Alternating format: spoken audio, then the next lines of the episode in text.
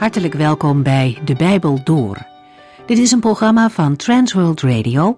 U kunt ons ook vinden op internet www.transworldradio.nl. De Bijbel Door is een radioserie die in vijf jaar tijd door de hele Bijbel gaat. Van Genesis tot Openbaring, van kaft tot kaft.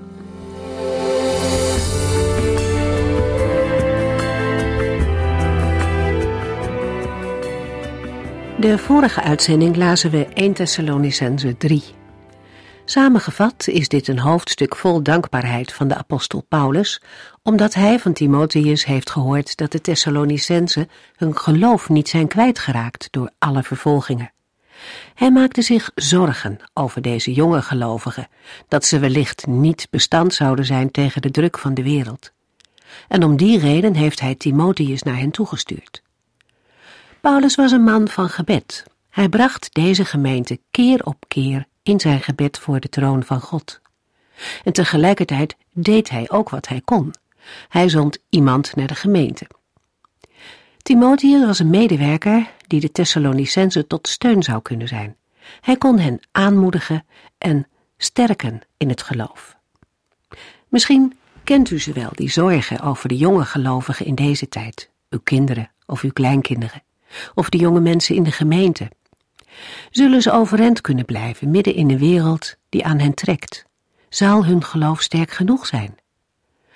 Paulus schrijft in hoofdstuk 3 dat hij dag en nacht vurig voor hen bidt. Gebeden brengen de hemel in beweging, heeft iemand eens gezegd.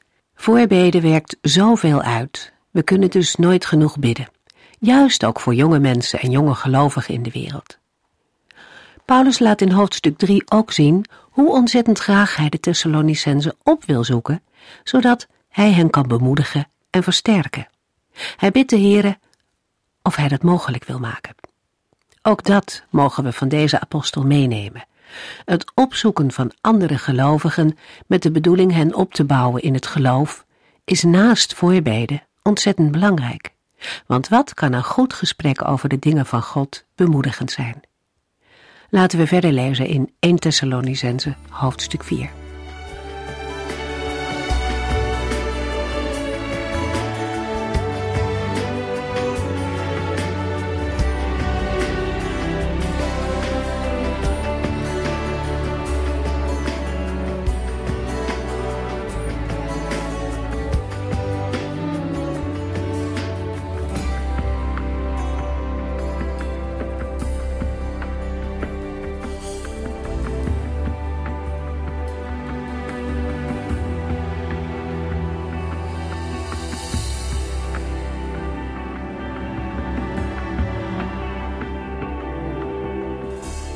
De vorige uitzending sloten we af met een gebed van Paulus voor de Thessalonicenzen.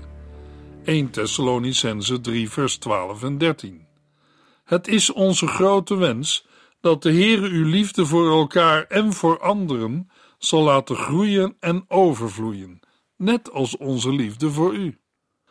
Mijn gebed voor u is dat onze God en Vader uw geloof sterk zal maken, zodat u op de dag waarop de Heer Jezus terugkomt met allen die bij hem horen, sterk, zuiver en heilig zult zijn.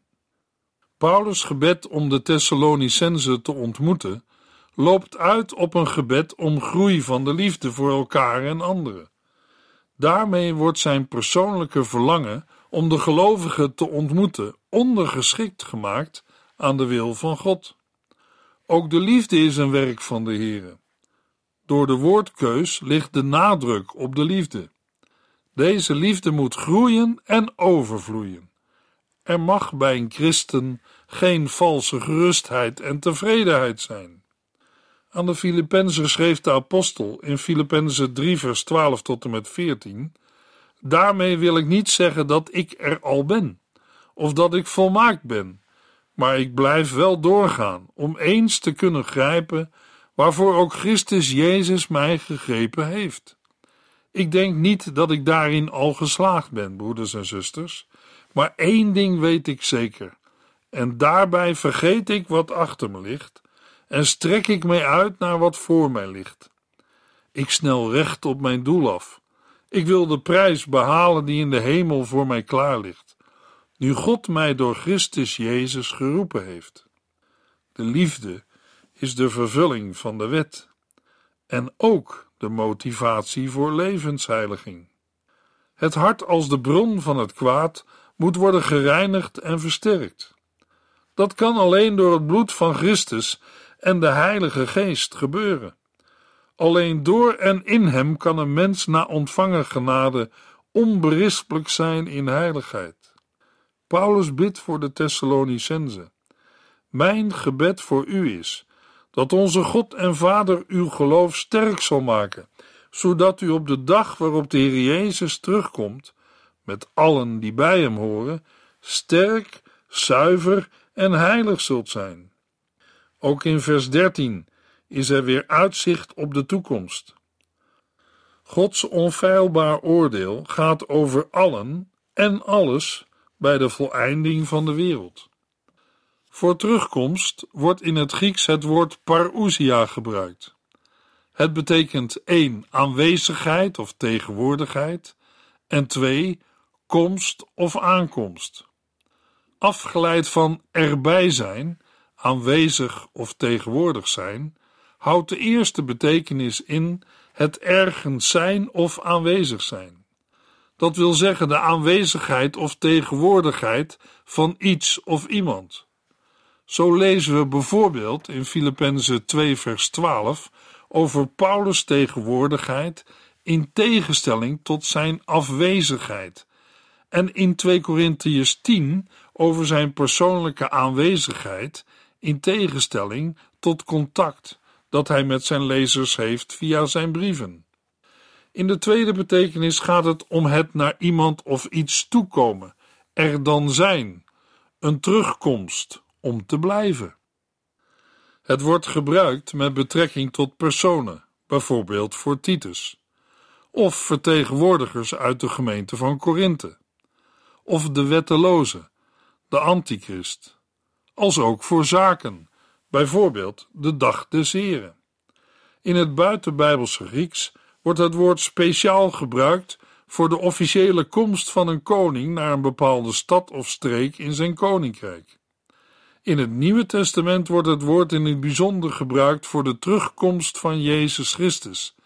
En dan gaat het niet om zijn eerste komst op aarde, maar steeds om zijn komst in heerlijkheid. Zijn wederkomst aan het einde der tijden. In 2 Thessalonicense 2 vers 8 wordt de terugkomst van de Heer Jezus samen genoemd met de vernietiging van de mens van zeer grote zonde, de antichrist, die dan in de openbaarheid is getreden.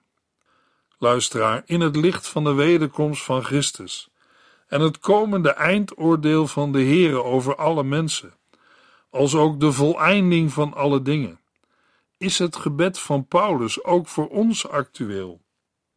Daarom wil ik, naar zijn voorbeeld, ook tegen u en jou zeggen: Mijn gebed voor u is dat onze God en Vader uw geloof sterk zal maken, zodat u op de dag waarop de Heer Jezus terugkomt, met allen die bij hem horen, sterk, zuiver en heilig zult zijn. Ik hoop dat u er Amen op zal zeggen. 1 Thessalonicense 4 vers 1 Broeders en zusters, wat uw dagelijkse leven betreft, vragen wij u dringend, in de naam van onze Heer Jezus, om u zo te gedragen dat God er vreugde aan beleeft. U deed dat al, maar wij vragen u dringend dat nog meer te doen. Paulus begint hier met zijn onderwijs en vermaningen naar aanleiding van wat Timotheus hem heeft verteld over de levenswandel van de gelovigen in Thessalonica.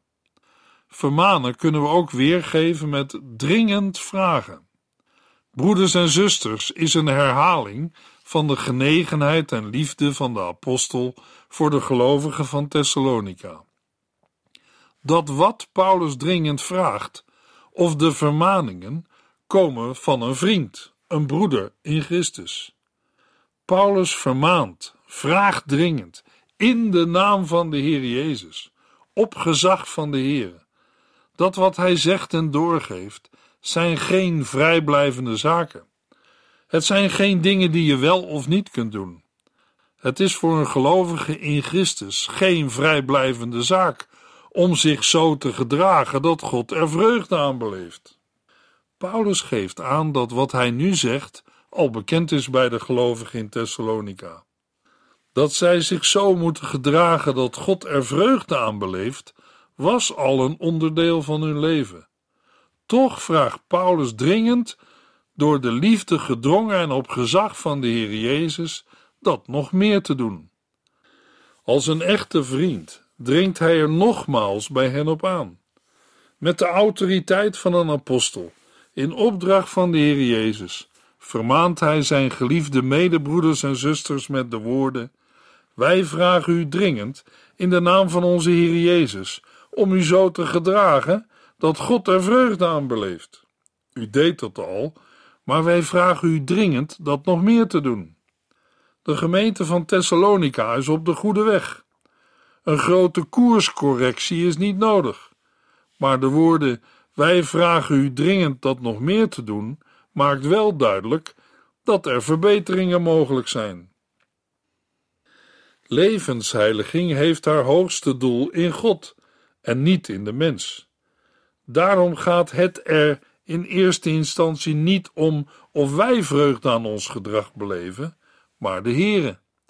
Niet of wij wel tevreden zijn met de vervulling van onze geestelijke plichten en verantwoordelijkheden, maar dat God er vreugde aan beleeft. Het mag u vreemd in de oren klinken, maar dat zal nooit in uw nadeel uitpakken. De heiliging is in 1 Thessalonicense 4 in actieve zin bedoeld, als opdracht en taak voor de gelovigen. In Romeinen 6, vers 12 lezen we: Laat de zonde dan niet meer heersen in uw sterfelijke lichaam. Wees geen slaaf meer van slechte begeerten. Stel geen enkel deel van uw lichaam ter beschikking van de zonde, als iets waarmee slechte dingen worden gedaan. Nee, maak van uzelf een werktuig voor God, omdat u met Christus gestorven bent, om nu met Hem te leven. U bent immers dood geweest en weer levend geworden. Laat God dan ieder deel van uw lichaam kunnen gebruiken om goed te doen. Het is uit met de macht van de zonde over uw leven. U valt niet meer onder de wet die gehoorzaamheid eist, maar onder de genade van God. En omdat het zo is, wil een gelovige niet meer zondigen. Als een mens op de genade van God vertrouwt, wil dat niet zeggen dat hij of zij gewoon doorgaat met zondigen. In een van onze uitzendingen heb ik u een keer het verhaal van de zwarte en witte hond verteld. Daarmee symboliseerde ik de oude en nieuwe mens in een gelovige. De beide honden vechten met elkaar en de vraag is: wie wint het? Het antwoord is: de hond die ik het meeste eten geef. Kortom, voed ik met de dingen die ik doe, of juist niet doe, mijn oude mens of de nieuwe? Daarin heb ik als gelovige een eigen verantwoordelijkheid. Anders kan Paulus in Romeinen 6 nooit vragen: laat de zonde dan niet meer heersen in uw sterfelijke lichaam.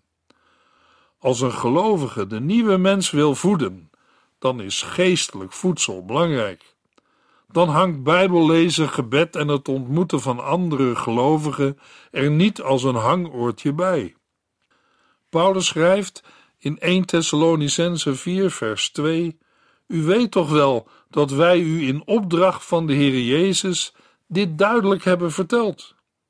Voordat Paulus concretiseert wat de gemeente moet doen, grijpt hij terug op het onderwijs en de vermaningen waarmee de gelovigen in Thessalonica al bekend zijn. U weet is opnieuw een beroep op het meedenken van de lezers.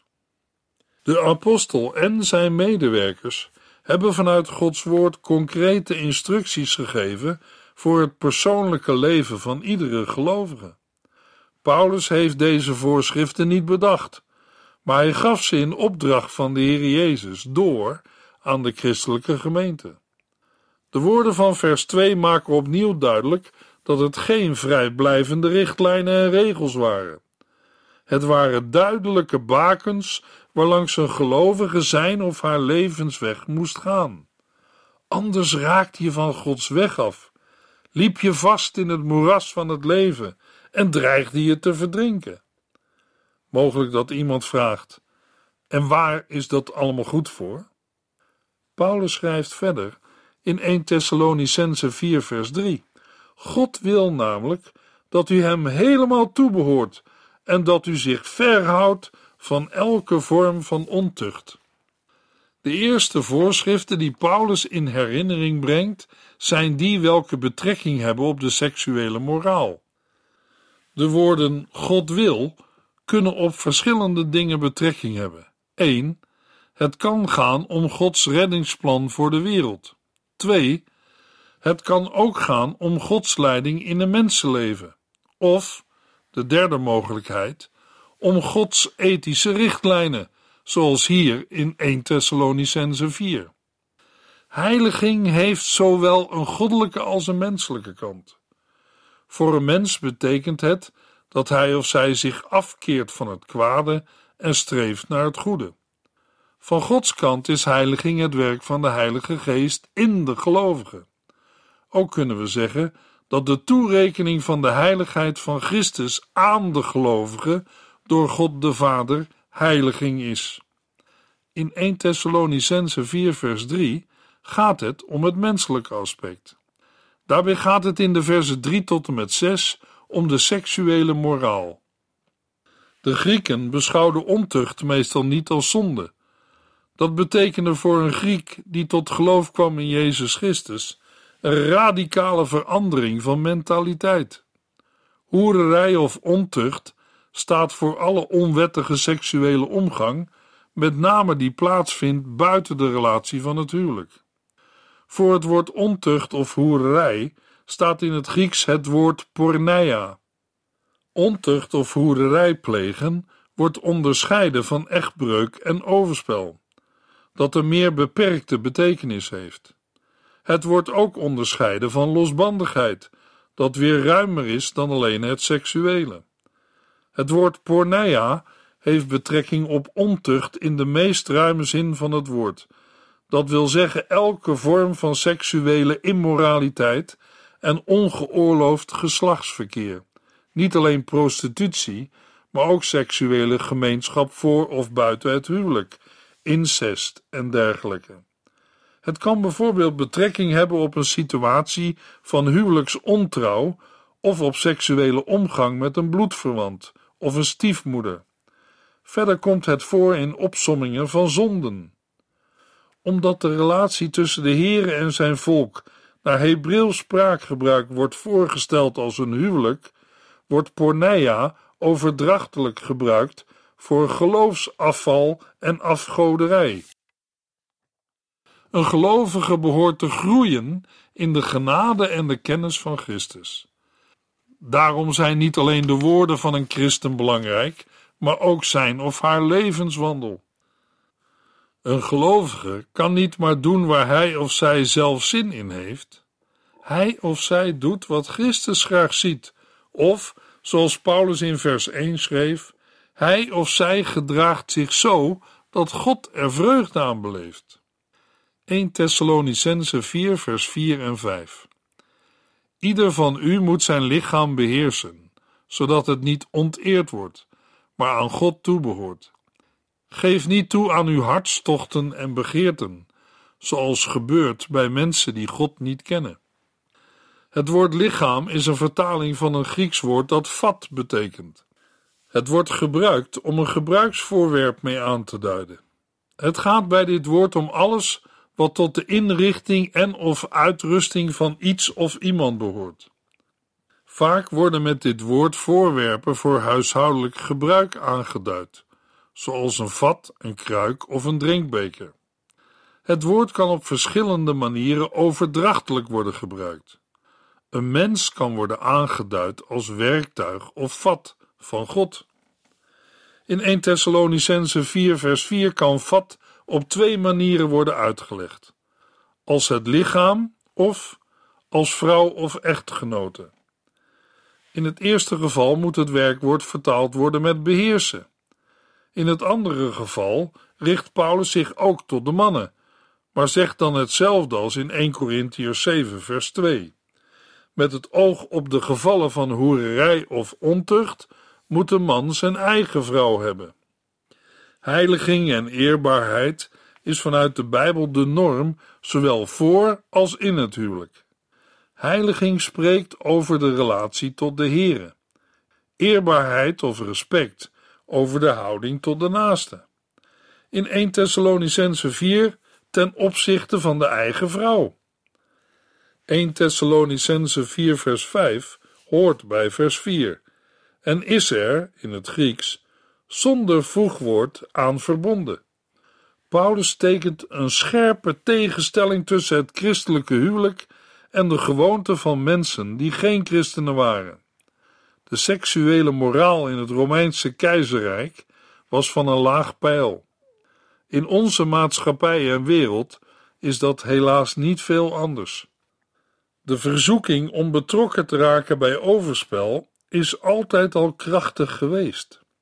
Toegeven aan seksuele verzoekingen en verleidingen hebben meestal rampzalige gevolgen. Seksuele zonden brengen altijd wel ergens schade aan families, bedrijven en zelfs christelijke kerken en gemeenten. Het heeft niet alleen lichamelijke, maar ook geestelijke gevolgen. 1 Thessalonicense 4 vers 6 en 7 Benadeel en bedrieg uw medemens op dit gebied niet. Wij hebben u gewaarschuwd dat als u zulke dingen doet, de Heer u daarvoor zal straffen. God heeft ons niet tot losbandigheid geroepen, maar tot een leven dat hem is toegewijd. Vers 6 hoort nog steeds bij de uitwerking van het helemaal toebehoren aan de Heere uit vers 3. Of met andere woorden, uw heiliging. Bij de woorden op dit gebied gaat het, gezien het verband, nog steeds over seksualiteit. Voor de vertaling medemens staat in het Grieks een woord dat broeder betekent. Het maakt duidelijk dat de ontucht binnen de christelijke gemeente plaatsvond.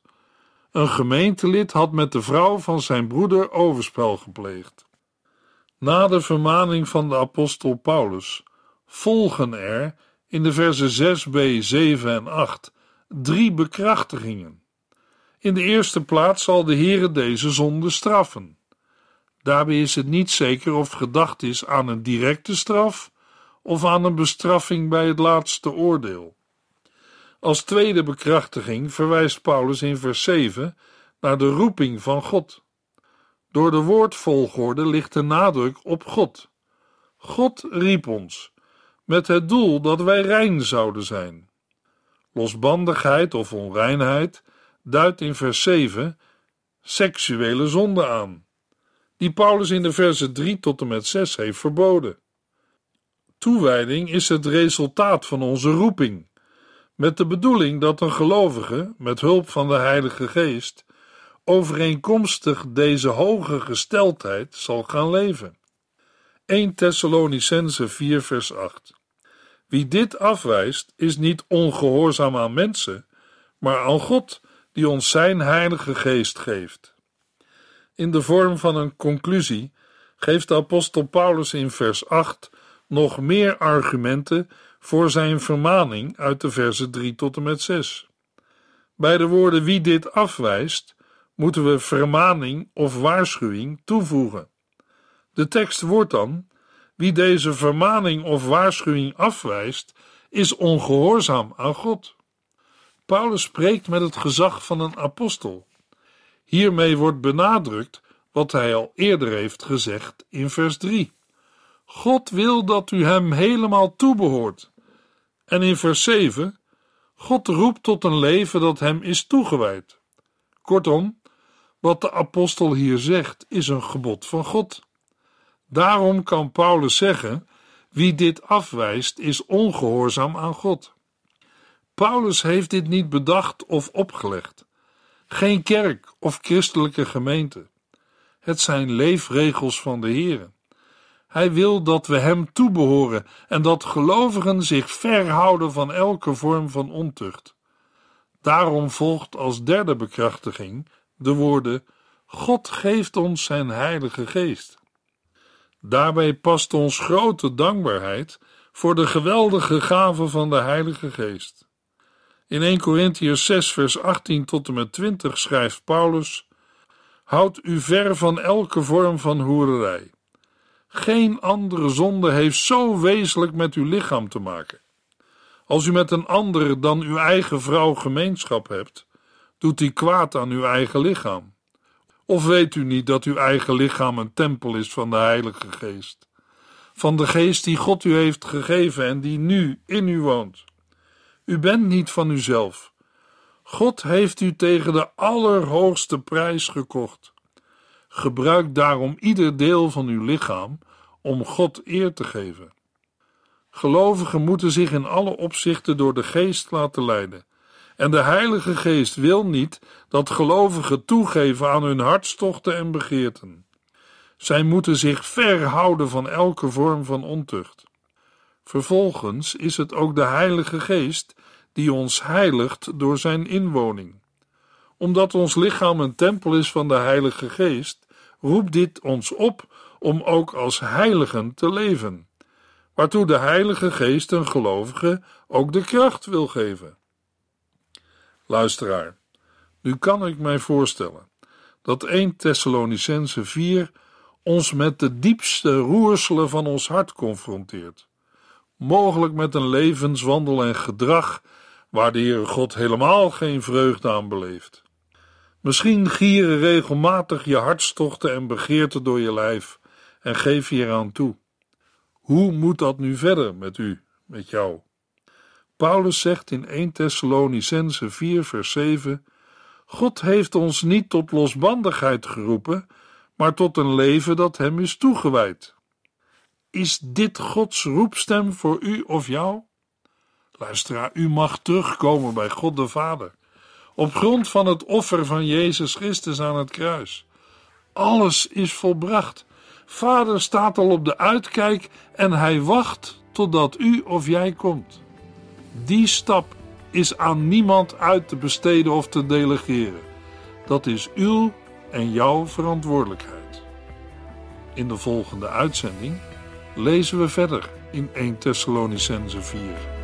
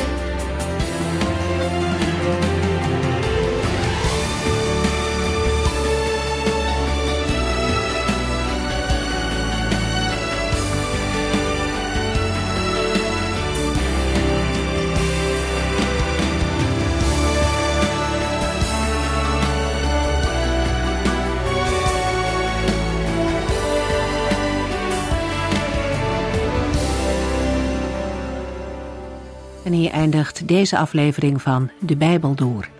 Een serie programma's van Transworld Radio. Wilt u ons iets vragen of meer weten? Dan kunt u altijd contact met ons opnemen. Bellen kan overdag met 0342 478432. Per post Transworld Radio. Postbus 371. Postcode 3770. Anton Johannes in Barneveld. En e-mailen kan ook. De Bijbel door at transworldradio.nl En natuurlijk ook via onze website transworldradio.nl Dit programma werd gepresenteerd door Cor Weda en Ike André. En namens iedereen die er nog meer aan meegewerkt heeft, graag tot de volgende keer.